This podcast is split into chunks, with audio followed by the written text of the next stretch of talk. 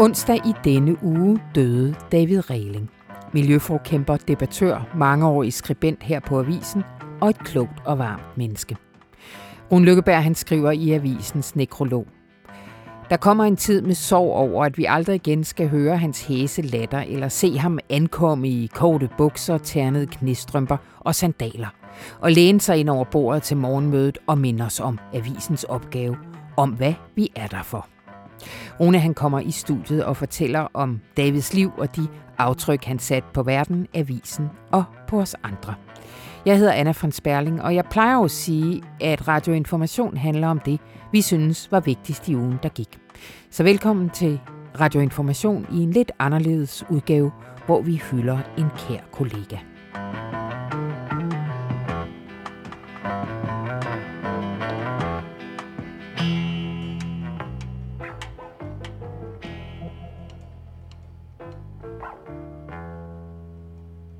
Hej Rune. Hej Anna. I den her uge, der mødes vi jo i en ret trist anledning, fordi vores kære kollega og mangeårig skatteskribent på Information, David Regling, han er død. Ja. Ja. 72 år gammel og efter kort tids sygdom. Ja. Du har skrevet nekrologen, Rune, og øh, skal vi ikke lige starte med skribentvirksomheden? Hvad var, øh, hvad var David for en skribent? David var, jeg tror, han er den, der har skrevet flest ledere i information i de sidste 25 år. Det må han næsten være. Han var mm. en fuldstændig fantastisk lederskribent. Han har også lavet en manual for, hvordan man skriver ledere, som selvfølgelig er lavet på, på øh, som selvfølgelig er lavet i, i lederens mål. Han har skrevet ledere på versefødder. Han har faktisk også skrevet en leder, som det han kalder for en rap, som han læste op på, på, øh, på, på, på morgen TV. Så han var en meget, meget, han var en storartet lederskribent, og også en, skribent, der mindede os andre om, hvor vigtig lederpladsen i information er. Mm. Så var han en ekstremt original og bevidst stilist. Altså Davids måde at placere ord i en sætning på, er for mig uden sidestykke i dansk journalistik. Han brugte altid, det første ord var altid det stemningsangivende ord for David. Igen, igen. Eller hurra, hurra. Eller troløse kom de. Altså, mm. den måde, han satte sine sætninger sammen på, var så ekstremt avanceret, og alligevel pædagogisk utrolig effektiv. Hvis du ser en, en, en side 2 leder, David har skrevet på et stykke papir, så ligner det faktisk lidt et digt, fordi mm. der er sådan korte sætninger, og så er der meget luft ind, i, ind imellem, så hver sætning skulle ligesom stå og dirre for sig og var sat sammen på sin egen måde, så havde David jo det der princip, med, at han ville bruge hele det danske sprog, og hvis der var ord, han var bange for, var ved at ryge ud af cirkulation, så skulle de også ind. Han var så også lidt en kommissær i forhold til, når vi andre vi brugt engelske ord. Mm-hmm. Men altså en formidabel lederskribent. En meget, meget, meget stor stilist. Og så var David jo en debattør. Mm. Og en debattør, der øh, stod for øh, nogle principper og en radikalitet omkring de principper, som for os alle os andre var frygtindgydende og respektindgydende. David var ikke bange for at være alene om synspunkt, hvis han mm. troede på det. Han var heller ikke bange for at blive upopulært. Så han var en formidabel mm. skribent, en af de største informationshistorier. Vi, skal lige, vi vender lige tilbage til det her med, øh, med hans principper og hvad, hvad han ville ja. rykke i verden. Ikke? Men, men kan du ikke lige tage os lidt tilbage? Hvad, hvad er David rundet af? David er, er... Faktisk er David født i Nyhavn, men hans familie flyttede relativt hurtigt til, til Dragør, hvor han boede 67 af sine 72 år.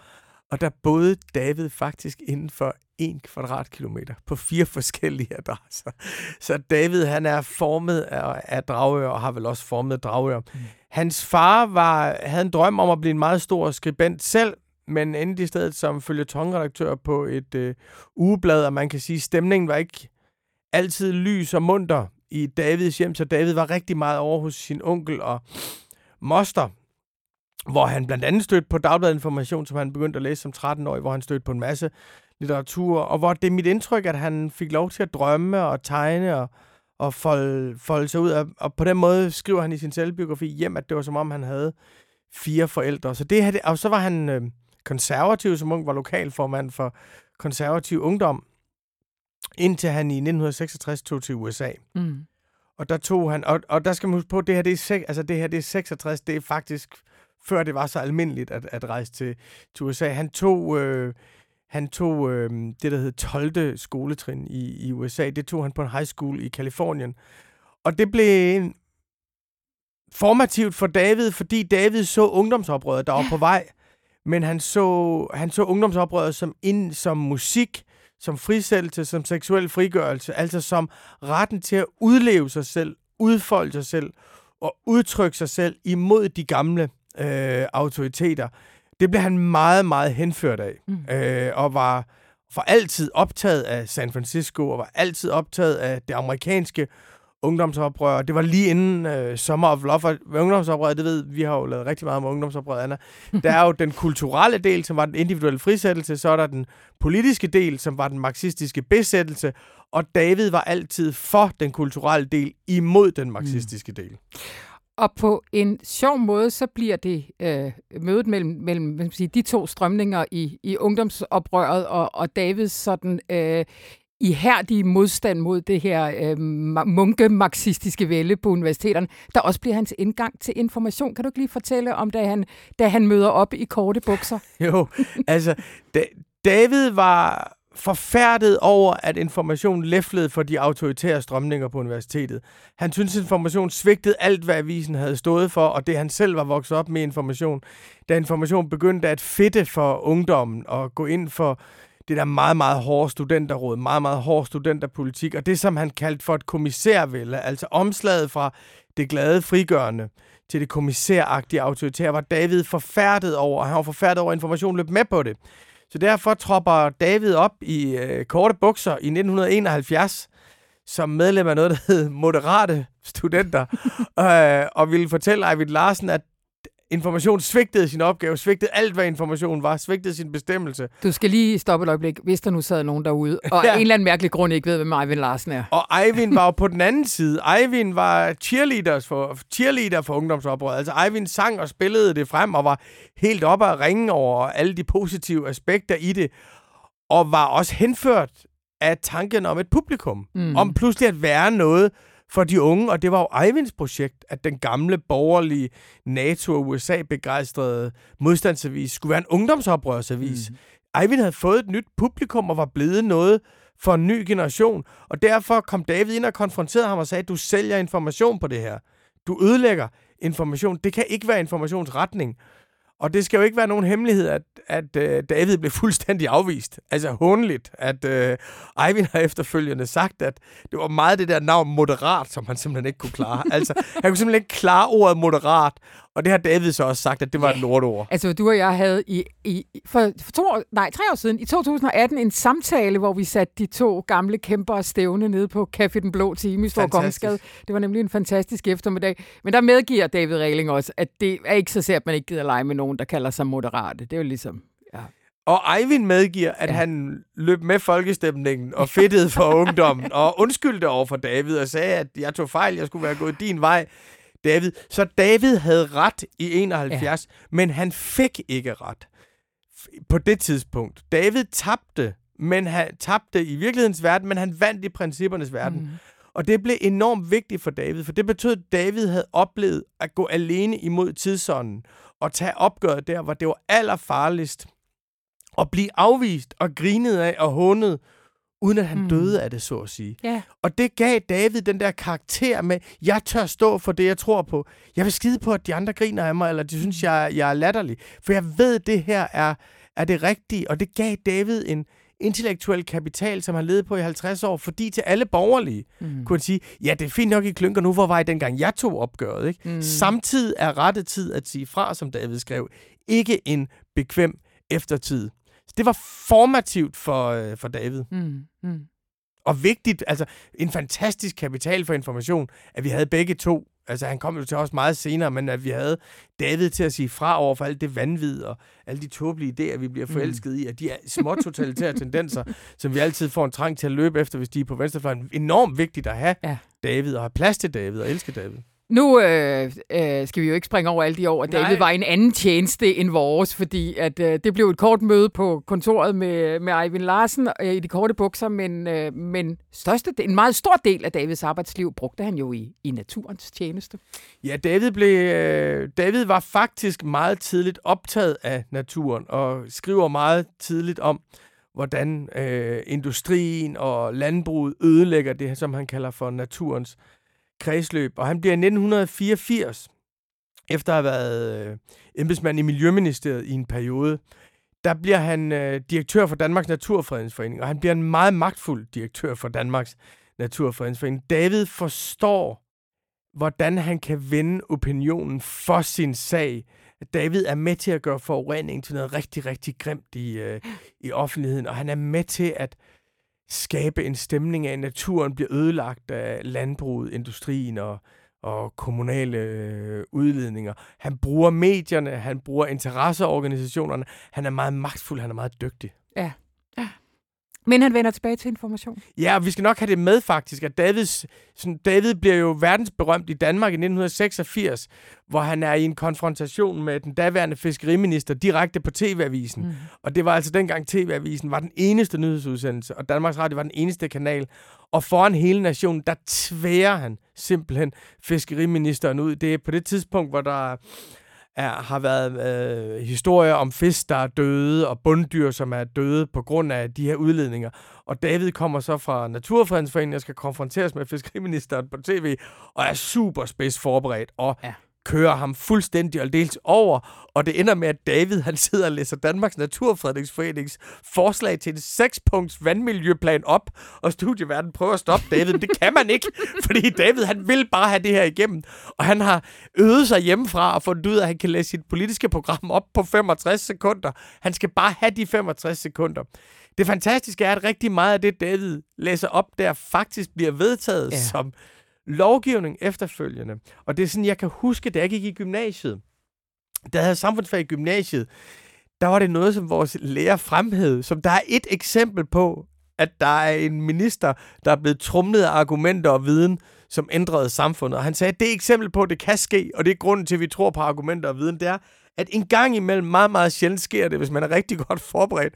Og så så vi klippet med David. Er det rigtigt? Ja, ja, ja, vi så klippet wow. med David, og vi tænkte bare, den der frygt, altså på den ene side var David jo sådan meget køn og uskyldig, og havde det der overskæg og meget fine udseende. Mm. Og på den anden side, så havde han bare det der ungdomsoprørens totale selvtillid. Ja, vi så, hvordan han kørte ham fuldstændig over, og vi tænkte, det der, det er altså viden og argumenter som magter. Det var sådan, vi så og kiggede på hinanden og tænkte, oh, vi vil være David Regling, når vi bliver, når vi bliver store. Ja, klart. Det er lærebogseksempel. Det er ja. simpelthen... Øh, det, det er så... Øh, det er, øh, og jeg tror faktisk... Øh, der er rigt, jeg vil ikke sige alle, der så det, kan huske det, men jeg kender rigtig mange, ja. der kan huske det. Og tit, når jeg har været rundt og holdt foredrag og har nævnt, at jeg kommer fra information, så siger folk også med 20 års forsinkelse, vil du ikke sige til David, det han gjorde dengang? Det var, det, det var, det var helt fantastisk. Mm. Så det var, altså, det var både viden og argumenter, der vinder over magt, men det var også naturen, der fik en synlig stemme og en stemme ja. med magt i den danske offentlighed. Ja. Og David, han var ikke sådan at stoppe. Du fortæller en, uh, en uh, anekdote eller en lille fortælling om, om David, som vi jo begge to var vidne til, nemlig da uh, tidligere ledelser på et tidspunkt synes, at nu har David skrevet leder nok og prøvet at fyre David.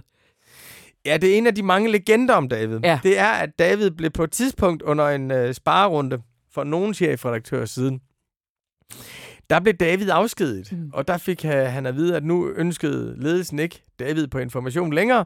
Og David, han øh, nikker bare og accepterer det, og så går han direkte op på sit kontor, som vel at mærke er altså ligesom en David Reiling museum, vi har stående på information. Yeah. Der går han direkte op på sit kontor, skriver en leder til morgendagens avis. Næste dag kommer han til morgenmøde, og det bliver David bare ved med. David bliver ved med at komme til morgenmøde, og han sidder jo på morgenmøde med den der autoritet, hvor han læner sig ind over bordet mm. og fortæller os, hvad avisen virkelig handler om. Ja. Det vi virkelig skal sige fra overfor. Det der er vores virkelige bestemmelse. Det fortsætter David bare med, selvom han er blevet fyret. Og så til sidst, så bliver David ansat igen. det er sådan, Davids tilknytning til information var stærkere end noget, som nogen ledelse overhovedet kunne blande sig i. Og det siger også noget, altså David har lige fra mødet med Eivind Larsen, så har David haft ubetinget loyalitet over for institutionen information. Ja. Det har så også betydet, at i de perioder, hvor David har ment, at ledelsen ikke havde samme institution, ubetinget loyalitet over for institutionen information, så var David altså på avisens side imod ledelsen. Og nu er det sådan med information, at der er jo mange forskellige drømmebilleder af, hvad avisen bør være. Men mm. vi Mhm. lader altid, som om det er det samme, vi taler om. Og David Ja. havde et meget bestemt billede af det med ubetinget loyalitet over for øh, institutionen information. Og så noget, som vi jo begge to har oplevet, Anna, i mange år, som er helt fantastisk. En ubetinget solidaritet Mm. med unge mennesker, Ja. nye mennesker, faktisk nærmest børn på avisen. Mm. Altså, Ja, fordi hans lederstil, øh, forhåbentlig øh, er der noget, der, der, øh, der lever en lille smule videre i os alle sammen, for vi har næsten alle sammen været i lederskole hos David Reiling, når Ja. vi skulle skrive vores første leder. Ja, og vi har, øhm, altså, vi har siddet derinde sammen med ham og netop fået det der at vide med, at brug dine hovedsætninger, lav ikke for mange bisætninger. Hvad er det stemningsangivende ord? Op foran med det. Nej, det bliver for kedeligt på den måde. Ja. Og så havde David det der, som er sådan en rigtig 68'er ting. Det var, at David synes jo altid, at han selv sagde, stod på humorens side. Nej, det skal være lidt let og spøgefuldt. Og det var sådan, og det var så et argument for det, David mente. Ja. Hvis man så havde et andet argument, så, nej, så bliver det simpelthen så tungt og dystert og, og, og kedeligt. Men en anden ting er, at David, altså noget, som jeg altid har syntes har været utroligt, det har været, når vi havde folkeskolepraktikanter. Mm. Altså, 7. og 8. klasses elever har siddet inde på Davids kontor og skrevet ledere sammen med ham. Og han har virkelig siddet og diskuteret. Ja. med dem og sat ledere sammen med dem. Alle mulige praktikanter og nye Og hver år, øh, i rigtig mange år, insisterede han på at lave en sommerserie, hvor han talte med de nye formænd for ungdoms, de politiske ungdomsorganisationer. Jeg kan huske, mangt en indlandsredaktør har rullet med øjnene og tænkt, skal vi nu høre på de der unge kanaljer igen? Men David var lige begejstret hver gang. Jeg, øh, altså, jeg havde kontor sådan lidt ned ad gangen fra ham, og hver eneste gang kom kom ud med en eller anden ung type fra, et, øh, fra et, et, enhedslisten eller et eller andet, var han sådan, det er spændende, der er spændende nye tanker på gang. Ja, og den hæsse begejstrede latter, og hvor han så genfortæller noget af det, de har sagt. Også en del af det, han selv har sagt. Ja.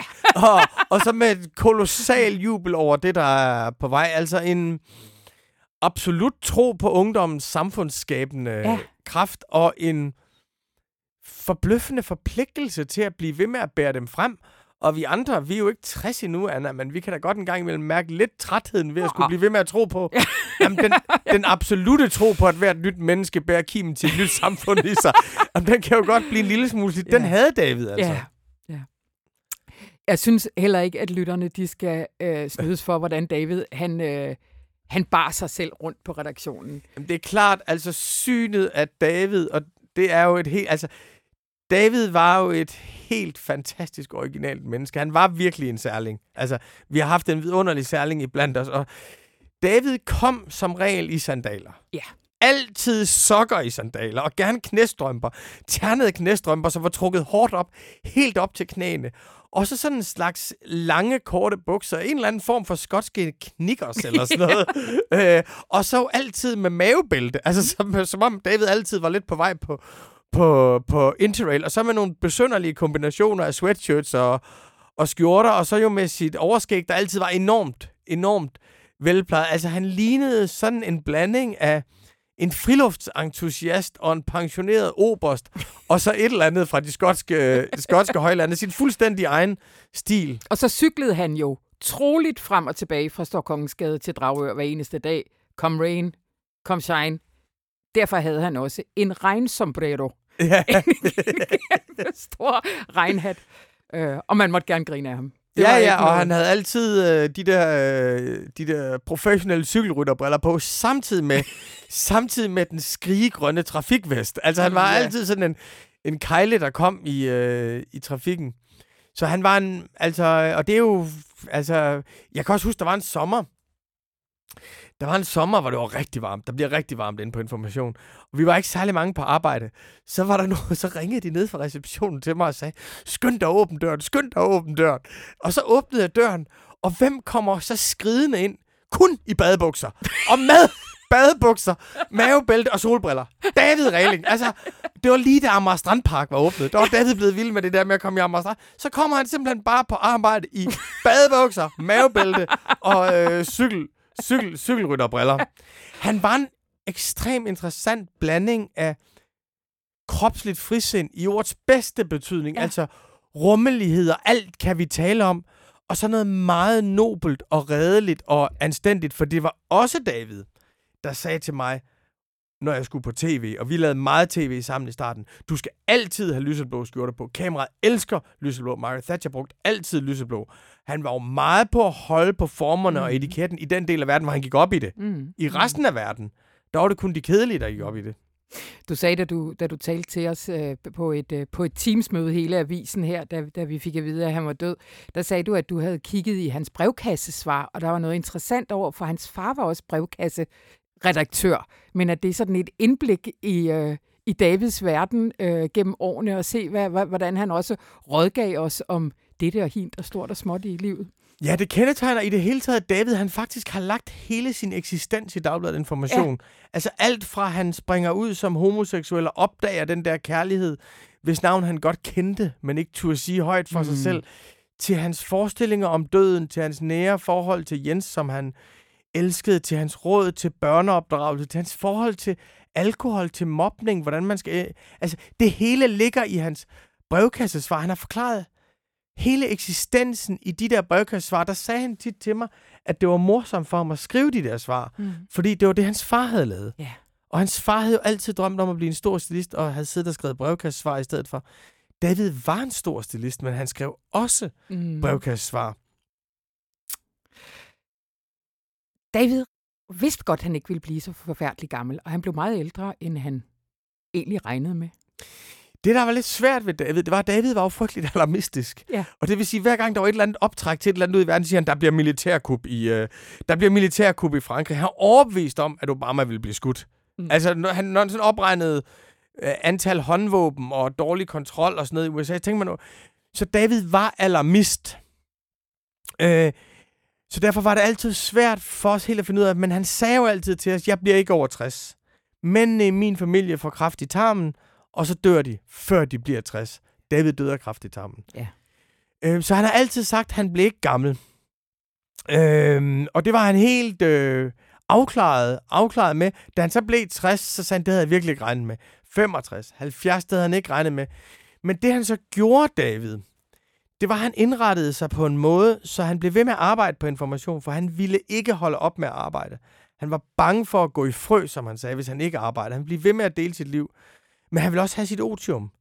Så David, han arbejdede noget af tiden, og så cyklede han verden rundt på den kaldte pilgrimsrejser sammen med sin elskede Jens en anden del af tiden. Så han tilrettelagde faktisk sit liv, efter han ikke ville få noget otium. Så han gjorde alt det, folk gør, når de holder op med arbejde. Det gjorde han, mens han arbejdede, ud fra mottoet, det handler ikke om at leve længere, det handler om at leve mere. Nå. No. oh, øhm, det var jo ikke, nu er det her sørgeligt, øh, sørgelig indgang, men jeg synes faktisk også, vi fik talt os et sted hen, hvor man godt kan sige, at det fandme var optur, at David Reiling var her. Jamen, jeg synes, at det, det er helt ubærligt, at vi ikke skal se ham skride gennem lokalet i det der besynderlige antræk igen, og vi ikke skal høre hans hæse stemme, der læner sig ind over bordet og sætter skabet, hvor det skal stå, og vi ikke skal høre hans lystige stemme fortælle, hvor sjov han er. Altså, det er meget mærkeligt. Der var så meget livskraft i ham lige før, og nu er han her ikke længere. Og det er sådan et fravær, som kommer til at være nærværende, som sår et stykke tid for os. Men når det er sagt, så er man jo simpelthen så taknemmelig over, at vi har mødt så fantastisk et menneske. Altså en original, som også var solidarisk. En mand, man kunne lære så meget af, der gav så meget. Et forbillede for, et forbillede for hvordan man skal leve sit liv, mm. forholde sig til sig selv, tage verden alvorligt. En kolossal taknemmelighed for, at vi har haft det privilegium at være tæt på David Reiling og blevet formet af David Reiling i så mange år. Mm. Tusind tak, Rune Lykkeberg. Tak for David. David Reiling, han skrev jo mange ledere, men han var også en ivrig gæst her i Radioinformation. Fordi mens nogle af mine kolleger her nævner jeg ingen navne, en gang imellem dukker sig en lille smule, når jeg tager mine ugenlige runder i huset på jagt efter indslag. Så troppede David stort set på ugenlig basis op på mit kontor og bød sig til med altid allerede skarpskåret og formmæssigt lækkert leverede holdninger til verden.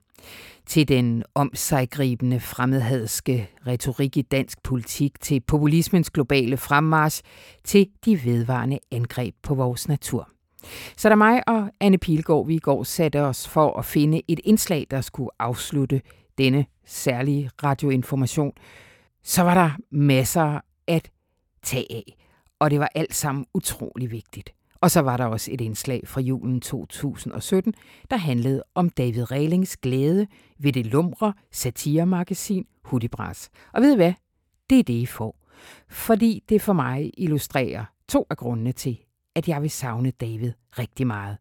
At han var så helvedes godt selskab, og at han havde byens mest legendariske latter. Mit navn det er Anna von Sperling, og det her program det var klippet og redigeret af Anne Pilegaard Petersen. Ha' en dejlig weekend, og nyd nu hinanden. Men heller ikke i denne uge er jeg helt alene i studiet. Jeg har nemlig besøg af min øh, favorit onkelanekdote, David Regling. tak skal du have.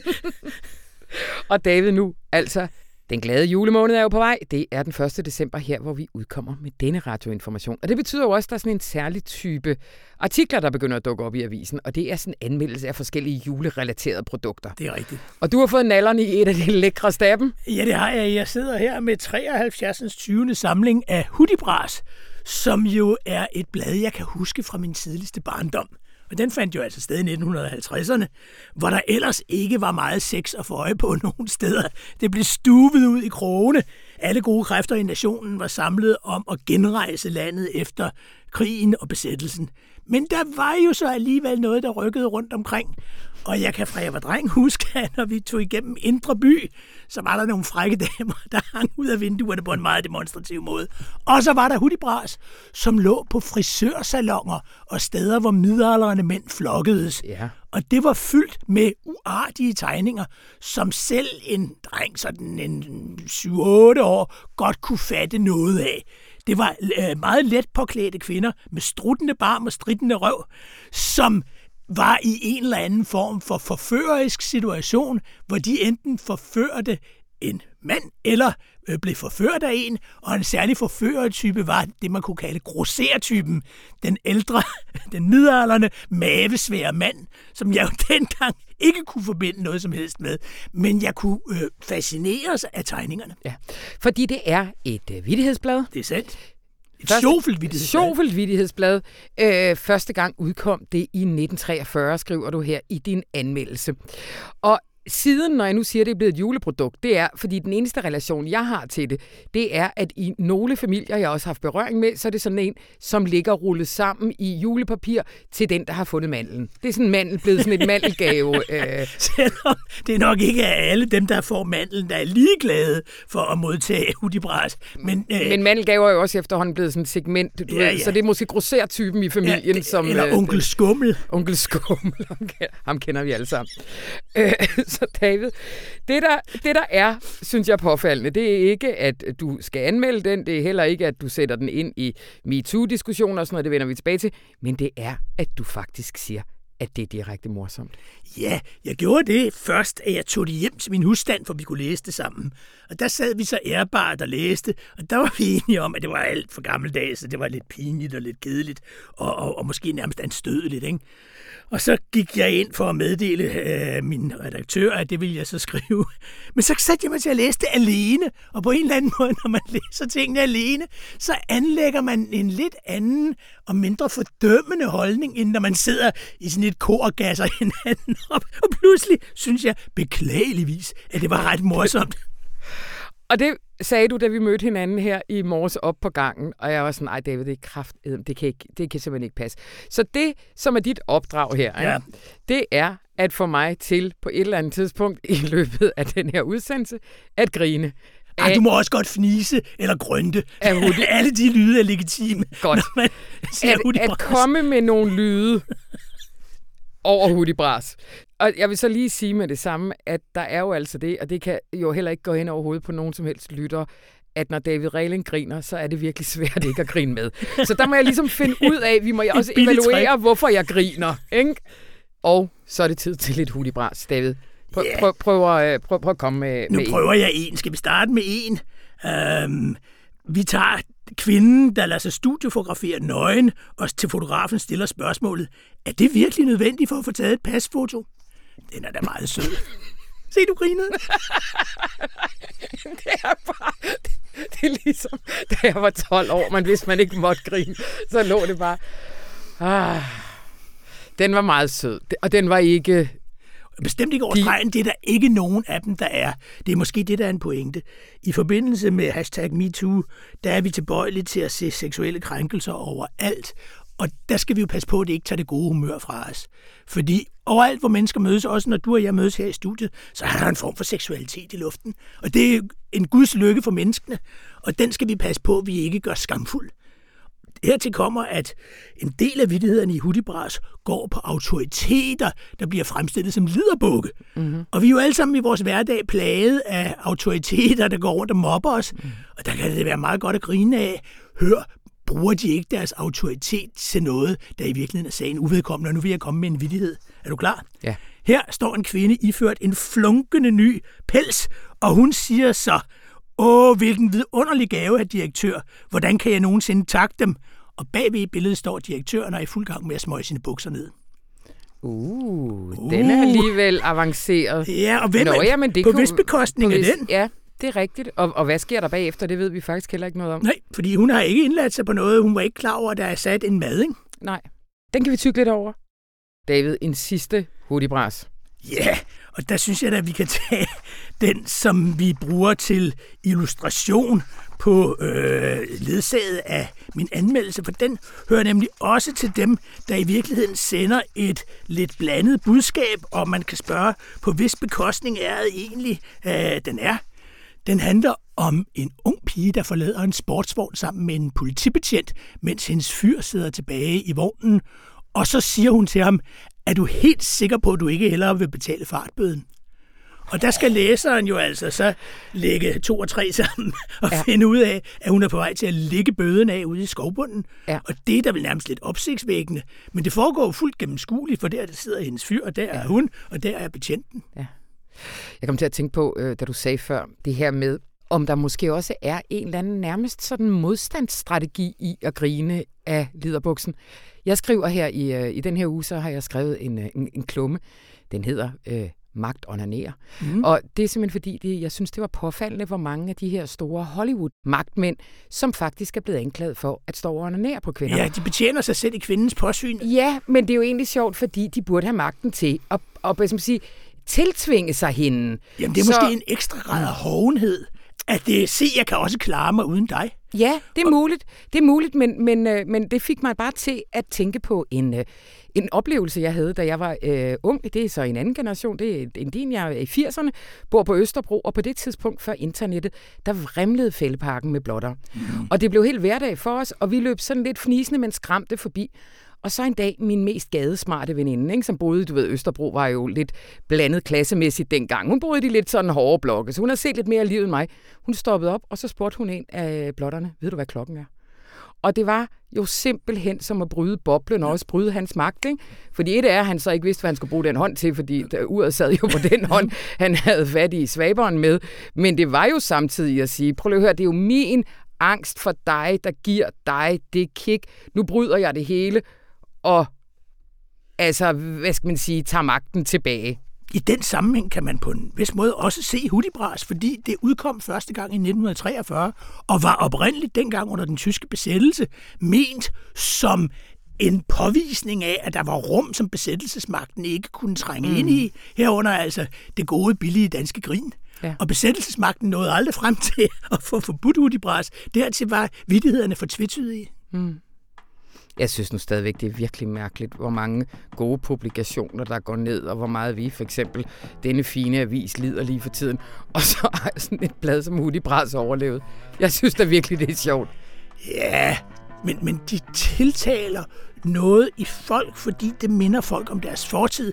Der er en på Facebook, der har sagt, at det minder hende om hendes barndom, hvor hendes far altid fik det her julegave, og så skriver hun, og så fik hele familien glæde af det, for vi andre kunne lave pigerne om til påklædningsdukker. Og så sagde de altså klippet tøj til alle de der nøgne piger. Det gør vi dog ikke på information. Nej, nej. Den appel har vi ikke. Den appel har vi ikke helt. Men altså samtidig, det er jo ikke... Altså lad os lige holde proportionerne her. Det er jo ikke Charlie Hebdo, vi taler om her, vel? Nej, men der er stadigvæk et frirum, et åndeligt frirum, og så er der selvfølgelig alle de platte vidtigheder. Men frirummet er der stadigvæk. Tusind tak, David Relling. Jeg selv tak.